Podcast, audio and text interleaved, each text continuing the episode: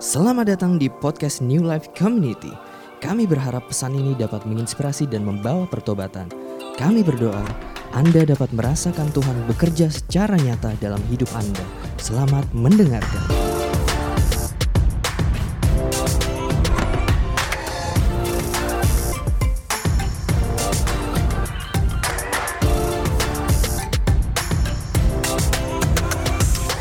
Shalom New Life Community. Apa kabar? Senang sekali saya Randy Chandra Dinata pada kesempatan kali ini boleh kembali menyapa teman-teman semua, boleh kembali diberikan kesempatan untuk melayani kebenaran firman Tuhan. Saya sungguh bersyukur kalau teman-teman hari ini sudah bisa beribadah secara onsite, secara langsung.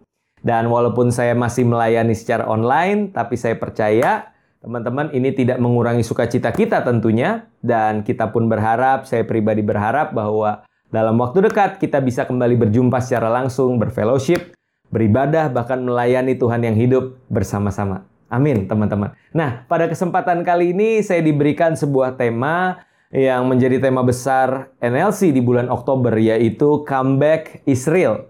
Comeback Israel. Nah, sebelum uh, saya akan membahas comeback Israel ini dari perspektif yang mungkin berbeda, yang yang uh, dari sudut pandang yang lain, tapi kalau kita perhatikan comeback Israel ini tentunya adalah sesuatu yang sedang kita nanti-nantikan ya, atau bahkan sedang terjadi hari-hari ini.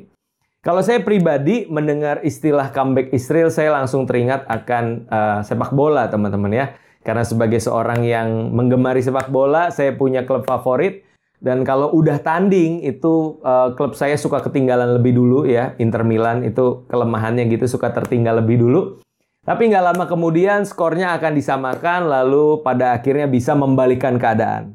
Maka saya akan berseru, Woo, comeback Israel ya, ketika uh, kita bisa membalikan keadaan. Dan begitupun hari-hari ini kita temukan keadaan di tengah pandemi yang sudah semakin membaik, puji Tuhan ya. Angka penyebaran sudah semakin menurun, melandai, dan bahkan prediksi dari eh, orang-orang uh, yang menemukan vaksin ya, mulai dari Pfizer, Moderna, AstraZeneca itu mengatakan bahwa uh, di tengah-tengah tahun 2022 keadaan akan kembali normal, benar-benar normal. Ya, pandemi itu sudah tidak ada lagi. Ya, kita aminkan saja ya. Tentunya dengan catatan kalau semua orang yang ada di dunia itu sudah divaksinasi, teman-teman. Nah, ketika kita mendengar kabar itu tentunya kita sudah begitu bersemangat ya. Kita rindu untuk balas dendam. Apa yang selama ini tidak bisa kita lakukan, kegiatan-kegiatan yang tertunda, agenda-agenda yang harus kita pending untuk sementara waktu itu rasanya pengen kita kerjakan ketika segala sesuatu sudah kembali normal, teman-teman. Dan buat saya yang menjadi catatan adalah ketika di tengah pandemi segala sesuatu itu slowing down, pace-nya itu menurun, ya ritmenya juga menurun. Lalu ketika keadaan kembali normal, uh, mungkin kita akan berpikir pace-nya itu akan kembali seperti uh, saat sebelum pandemi. Tapi prediksi saya ya, keadaan itu bisa jadi lebih cepat daripada keadaan sebelum pandemi, teman-teman. Saat semuanya kembali normal. Kenapa? Karena buat saya bisa jadi uh, ada sebuah uh, sinergi ya antara kegiatan yang tadinya online lalu bisa beralih lagi kembali ke onsite dan generasi ini sudah mulai terbiasa dengan aktivitas yang hybrid di mana uh, apa yang bisa dikerjakan secara online maka akan dikerjakan secara online. Begitupun yang ternyata tidak bisa dilakukan secara online, mereka bisa kembali melakukannya secara onsite. Dan aku pikir ini akan menjadi sebuah ritme yang baru dan bisa jadi jauh lebih cepat daripada yang sebelumnya. Nah, melihat fenomena ini, maka kita perlu juga untuk mengantisipasi teman-teman. Dan bentuk antisipasi saya, saya katakan ini sebagai satu istilah yang boleh dikatakan esensi tapi sering kali terlupakan teman-teman.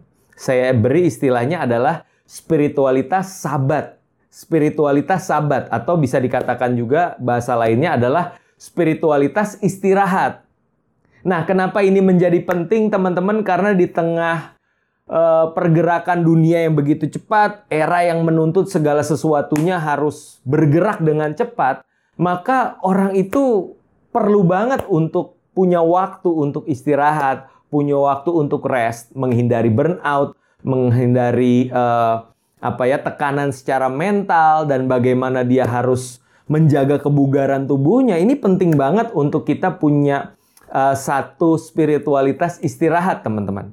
Namun sering kali yang terjadi uh, makna istirahat atau sabat itu uh, dimaknai secara sembarangan, boleh dikatakan menjadi kehilangan maknanya ya, apalagi bicara sebagai seorang Kristen, bagaimana sih kita memaknai sabat itu sendiri? Nah, ini yang menjadi penting, teman-teman. Dan untuk pembahasan kali ini saya akan banyak uh, mengutip ya atau mengambil intisari dari sebuah artikel yang berjudul Sabat dan Pelayanan ditulis oleh seorang teolog Asia yang dipandang seorang Pentakosta uh, bernama Profesor Simon Chen, teman-teman. Dan buat saya ini sebuah artikel yang sangat baik, yang sangat menarik, dan saya rindu untuk membagikannya ya kepada teman-teman. Jadi comeback Israel perlu diantisipasi dengan spiritualitas yang benar, yaitu spiritualitas sabat. Nah, kita akan belajar sama-sama teman-teman. Sebagai pendahuluan kita akan mencari tahu lebih dalam apa sih makna dari sabat ya. Sabat tentunya berasal dari bahasa Ibrani yang artinya berhenti. Kalau bahasa Yunaninya itu adalah sabaton, teman-teman. Dimaknai sebagai beristirahat sejenak dari segala aktivitas. Nah, yang menarik tentunya di sebuah era yang menuntut uh, performance, menuntut achievement sebagai target, sebagai tujuan utama, ultimate goals dari kehidupan ya, sehingga orang sering kali nggak sadar ya kita sebenarnya hidup untuk kerja atau kerja untuk hidup sih? Yaitu menjadi sebuah pertanyaan filosofis yang sering kali kita bingung jawabnya. Ya padahal harusnya kan kerja untuk hidup, bukan hidup untuk kerja. Namun generasi ini dituntut untuk bergerak sedemikian rupa, begitu cepatnya. Sehingga tanpa sadar istilah sabat, istilah berhenti, istilah istirahat itu menjadi sesuatu yang dimaknai sebagai uh, hal yang kontraproduktif, teman-teman, yang mengganggu produktivitas di dalam kehidupan. Begitupun di dalam kekristenan, istilah Sabat itu uh, menjadi sesuatu yang dimaknai secara dangkal, teman-teman, tidak secara dalam. Kalau kita bandingkan tentunya ya dengan pengertian Sabatnya orang Yahudi, di mana mereka bisa menyediakan waktu yang begitu uh, panjang ya dalam satu hari, khususnya hari ketujuh ya, sabat. Istilah hari Sabtu pun berasal dari kata sabat, teman-teman. Di mana orang-orang Israel itu, orang-orang Yahudi bisa beristirahat dengan uh, sungguh-sungguh. Sedangkan orang Kristen sering kali memaknainya secara sembarangan, teman-teman. Bisa dikatakan istirahat itu bukanlah sesuatu yang rohani ya. Padahal pengertian istirahat itu sendiri sebenarnya dimaknai sangat dalam teman-teman. Bisa dimaknai secara rohani. So teman-teman yang suka istirahat, yang suka rebahan harusnya menjadikan ini sebagai kabar baik ya. Bahwa ternyata istirahat itu adalah sesuatu yang rohani. Rebahan itu rohani teman-teman ya. Tentunya asal dimaknai dengan benar. Nah, kita akan belajar lebih jauh ketika kita bicara tentang dekalog atau 10 perintah Allah, kita akan menemukan bahwa perintah Allah yang nomor 4 yaitu kuduskan hari Sabat. Perintah Allah nomor 4 ini ada di antara perintah nomor 1 sampai 3. Jangan ada Allah lain di hadapanmu, jangan membuat bagimu patung dan menyembahnya, jangan menyebut nama Tuhan secara sembarangan. Itu kan mengatur antara hubungan Tuhan dengan manusia. Lalu ada perintah nomor 4, kuduskan hari Sabat. Lalu setelah itu perintah nomor 5 sampai 10 itu mengatur antara hubungan manusia dengan sesamanya. Nah, yang jadi pertanyaan apakah sebuah kebetulan ketika perintah nomor 4 ini ada di antara perintah nomor 1 sampai 3 lalu kelima sampai 10? Saya rasa tidak, teman-teman. Kenapa? Karena bicara tentang hari Sabat itu bicara tentang bagaimana kita menghargai Tuhan sebagai pencipta segala sesuatu dan juga kita menghargai sesama kita manusia lewat sabat. Nah, bagaimana itu bisa terjadi? Nah, ini yang akan kita bahas, teman-teman. Yang pertama, sabat sebagai penghargaan kepada Allah. Penghargaan kepada Allah dalam arti sebagai momen di mana manusia itu mengingat kembali covenant atau perjanjian yang telah dibuat antara umat Israel dengan Tuhan. Juga bagaimana manusia itu merenungkan kembali kesetiaan Tuhan di dalam kehidupan mereka. Ya, kita baca di Ulangan pasal 5 ayat 15 di mana di situ dikatakan seperti ini. Sebab haruslah kau ingat bahwa engkau pun dahulu budak di tanah Mesir dan engkau dibawa keluar dari sana oleh Tuhan Allahmu dengan tangan yang kuat dan lengan yang teracung.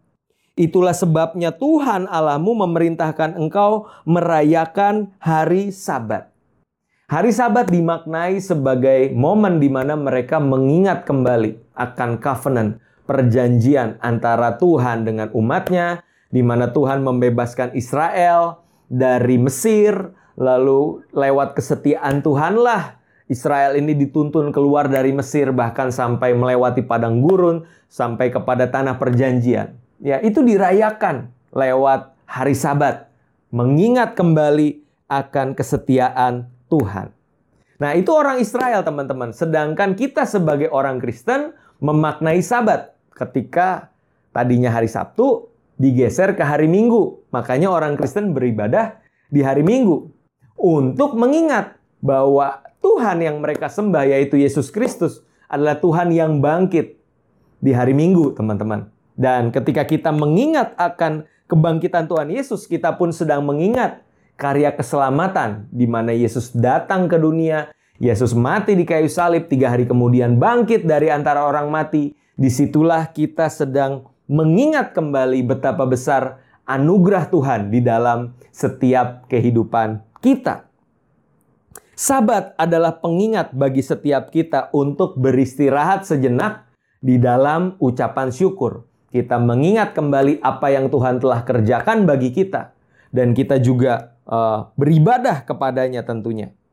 Namun, memang dalam perjalanannya, teman-teman, orang Yahudi terjebak di dalam legalisme di mana mereka kehilangan makna sabat itu sendiri dan menggantinya dengan berbagai macam hukum bagaimana harus menjalani hari sabat. Bahkan ketika Yesus datang ke dunia sekalipun menjadi manusia, bagi Yesus sabat ini terlalu ketat. Sabat ini kehilangan maknanya menjadi sebuah kegiatan yang hanya bersifat legalisme, teman-teman. Dan di sisi lain, orang Kristen sering kali justru menyepelekan hari sabat mereka tidak menganggap sabat itu sebagai sesuatu yang penting di mana mereka beristirahat, mereka bisa mengucap syukur di dalam ibadah mereka di hari Minggu. Ya, apalagi di masa pandemi, teman-teman ya. Semuanya itu sebatas uh, jendela Windows ya di dalam uh, aplikasi kita, di dalam gadget kita atau laptop kita. Mungkin di satu window kita uh, mengadakan online service, kita mengikuti online service, tapi di window yang lain di situ ada pekerjaan ya yang yang harus kita kerjakan oleh karena tuntutan. Di Windows yang lain mungkin ada online shopping, Windows yang lain lagi ada Netflix dan sebagainya, teman-teman. Sehingga mungkin bukan cuma sabat yang kehilangan maknanya, bahkan ibadah itu sendiri kita sering kali kehilangan maknanya.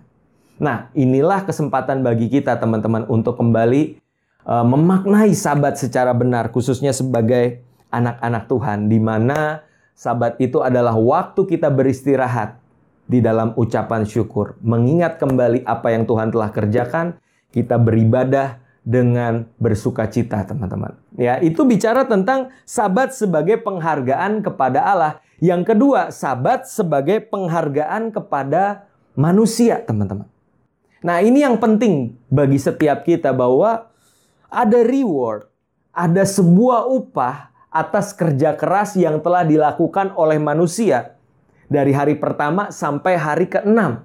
Maka hari ketujuh mereka beristirahat. Sekaligus sabat ini juga pengingat bagi manusia bahwa mereka adalah manusia biasa, bukan robot, teman-teman. Bukan mesin, Bahkan mesin sendiri pun butuh untuk diistirahatkan, untuk di recharge, untuk bisa kembali bekerja secara optimal. Apalagi manusia, teman-teman. Manusia sangat membutuhkan istirahat.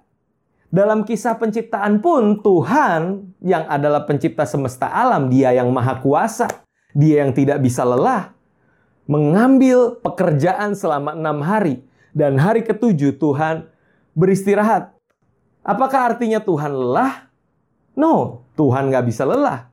Namun Tuhan memberikan sebuah teladan bahwa dari enam hari kerja ada satu hari juga hari ketujuh dipakai untuk beristirahat.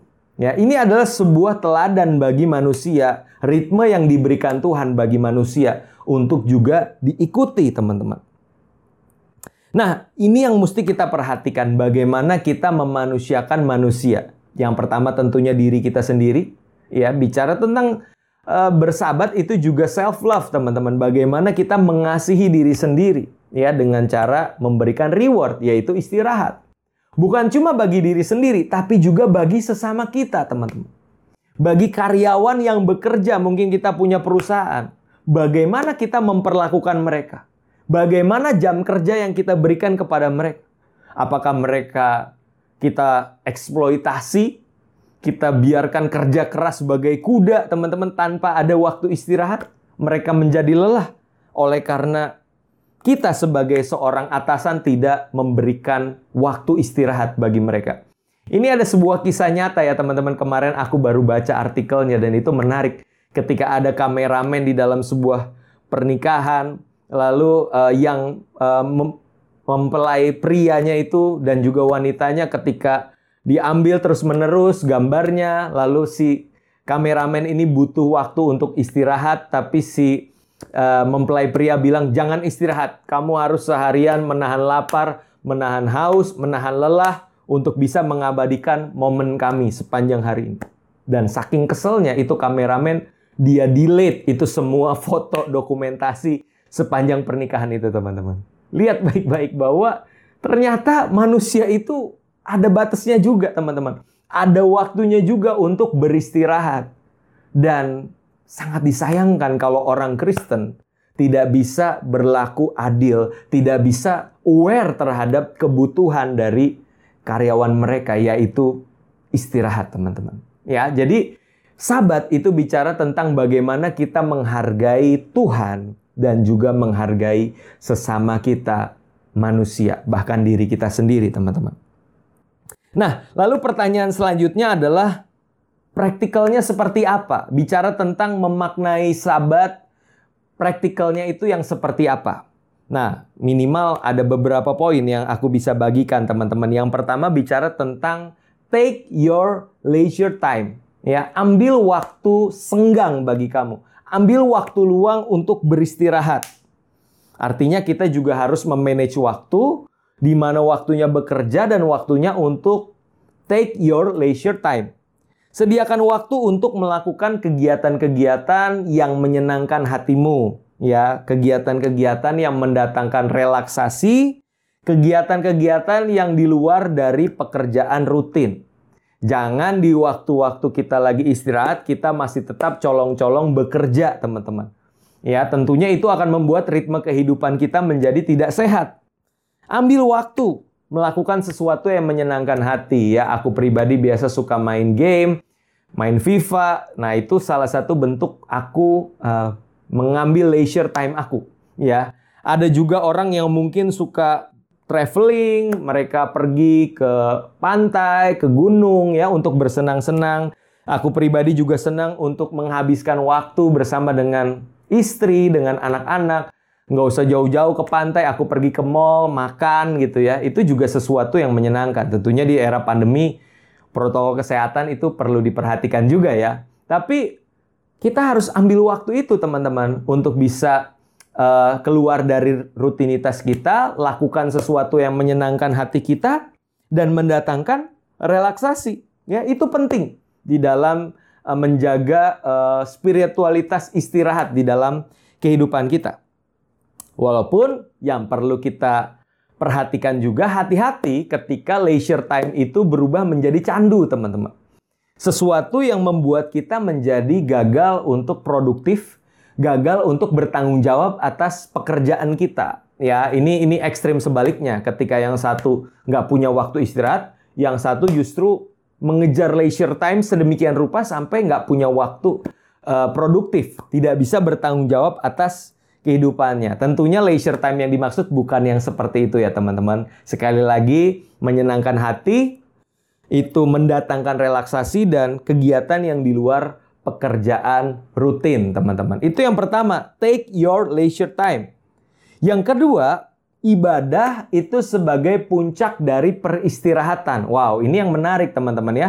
Karena ternyata sebagai orang percaya, di dalam ibadah kita sekalipun, entah itu yang bentuknya quiet time, di mana kita punya waktu sendiri bersama dengan Tuhan, ataupun di dalam kebaktian di gereja, itu juga adalah bentuk puncak dari peristirahatan, teman-teman. Ya, ini yang menarik. Adakah kita menemukan bahwa persekutuan kita dengan Tuhan itu adalah sebuah kelegaan, sebuah uh, peristirahatan, ya, sebuah perhentian dari segala macam aktivitas lalu kita menikmati duduk diam di hadirat Tuhan, teman-teman. Nah, ini yang menjadi pertanyaan, sudahkah keintiman dengan Tuhan, persekutuan dengan Tuhan itu menjadi sebuah peristirahatan buat kita atau justru menjadi beban. Aduh ibadah lagi, aduh saat teduh lagi, rasanya kok beban banget. Padahal itu adalah puncak dari peristirahatan kita, teman-teman. John Piper pernah bilang kan, God is most glorified in you when you are most satisfied in Him. Ketika kita puas di dalam Tuhan, di momen kita paling merasa nikmat di dalam Tuhan, di situlah Tuhan paling dipermuliakan. Dan aku percaya esensi dari sahabat pun itu.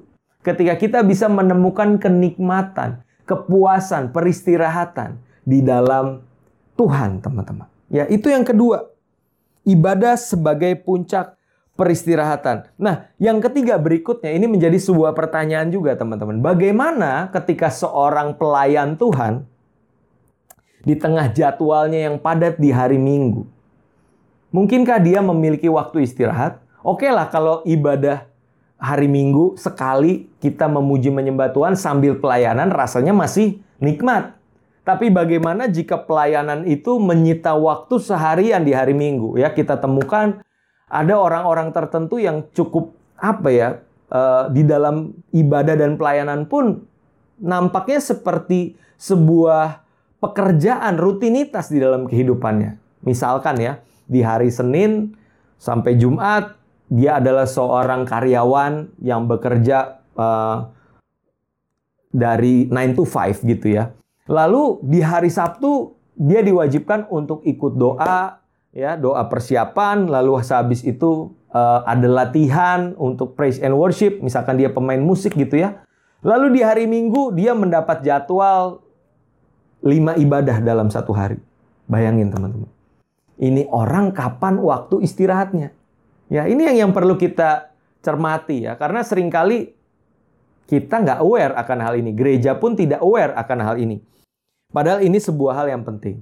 Nah, bagaimana kita menyikapinya ketika ada pelayan yang jadwalnya begitu padat di hari Minggu, lalu Senin sampai Jumat juga kerjaannya padat, teman-teman. Yang pertama, kita harus belajar untuk manage our priority. Ya, kita harus memanage prioritas kita. Ada waktunya di mana kita berkata tidak terhadap kesempatan yang datang. Ketika ada yang menawarkan pelayanan, kita harus berani untuk berkata tidak. Ketika apa? Prioritas kita sudah mulai berantakan. Kita nggak punya waktu sama keluarga, kita nggak punya waktu untuk istirahat bagi diri sendiri, ujuk-ujuk kerja-kerja-kerja pelayanan yang begitu padat. Kita harus berani untuk memilih mana yang prioritas. Jangan sampai keluarga di nomor sekian kan pelayanan didahulukan, akhirnya keluarga kita tidak mendapatkan perhatian yang seharusnya, teman-teman. So, yang pertama, manage your priority. Berani berkata tidak terhadap kesempatan yang datang. Itu pun berlaku buat saya pribadi teman-teman ya, saya harus berani untuk memilah-milih mana yang prioritas, mana yang bisa didahulukan eh, dan yang tidak perlu dinomorsatukan teman-teman. Ya itu yang pertama, manage your priority. Yang kedua, yang tidak kalah penting, gereja pun harus memiliki awareness akan pentingnya spiritualitas sahabat. Sehingga ketika ada pemimpin melihat eh, case-case tertentu ada pelayan Tuhan di gerejanya yang rasanya hidupnya udah terlalu padat dengan pekerjaan maupun pelayanan. Lalu dia bilang, uh, misalkan ya kepada pemimpin rohaninya, kak, aku mau dong jadwalnya sedikit dilonggarin. Aku jangan satu minggu itu lima limanya aku uh, pelayanan. Aku mau misalkan ya dua deh maksimal. Abis itu aku istirahat kak hari itu. Harusnya gereja yang aware akan memberikan ruang bagi itu, akan dibuat schedule sedemikian rupa ya untuk memberikan ruang bagi istirahat. Tapi kan sering kali yang terjadi, aduh tanggung lah, ini udah jadwalnya begini, udahlah sikat aja lah. Dia nggak peduli nih orang burn out, dia nggak peduli nih orang nggak punya waktu istirahat, yang penting show must go on. Nah, aku pikir ini menjadi sesuatu yang tidak sehat juga teman-teman ya. Maka gereja harus bangun awareness bahwa spiritualitas sabat, spiritualitas istirahat itu penting dan perlu diajarkan teman-teman. Itu yang kedua ya. Yang ketiga, bagaimana dengan hamba Tuhan? Nah, hamba Tuhan ini kan sesuatu yang berbeda ya. Mereka sibuknya di hari Minggu atau bahkan di hari Sabtunya, sedangkan hari Senin itu biasa hari libur buat mereka. Nah, hamba Tuhan manfaatkanlah waktu-waktu senggangmu bukan cuma di hari Minggu tentunya, di hari lain misalkan hari Senin untuk beristirahat, untuk ambil waktu uh, bersabat ya dengan keluarga, punya waktu dengan Tuhan secara pribadi sehingga hari Minggu itu ya memang rasanya seperti pekerjaan sih. Ada sebuah profesi yang harus dijalani dengan penuh tanggung jawab. Tapi tentunya istirahatnya kan bisa dicari di hari lain.